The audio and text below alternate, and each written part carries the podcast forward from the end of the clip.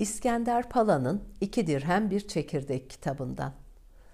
Tası tarağı toplamak veya toplatmak.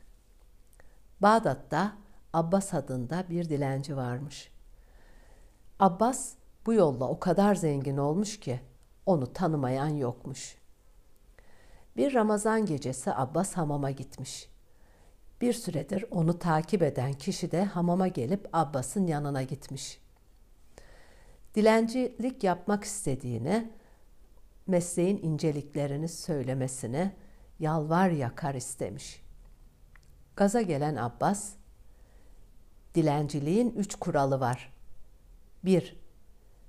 Her ne olursa olsun istemeli. 2. Her kim olursa olsun istemeli. 3. Her nerede olursa olsun istemeli. Bu üç kuralı unutma.'' Kulağında küpe olsun.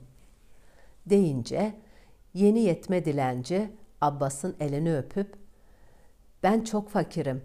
Allah rızası için bir sadaka deyince Abbas şaşırmış. İyi de burası hamam. Hamamda dilenilmez ki. Biraz önce her nerede olursa olsun istemeli demiştin. Abbas ben de senin gibi fakir bir dilenciyim. Burada bir şeyim yok. Giysilerim dışarıda, param evde. Her kim olursa olsun istemeli demiştin. Tamam da burada bir tasım bir de tarağım var.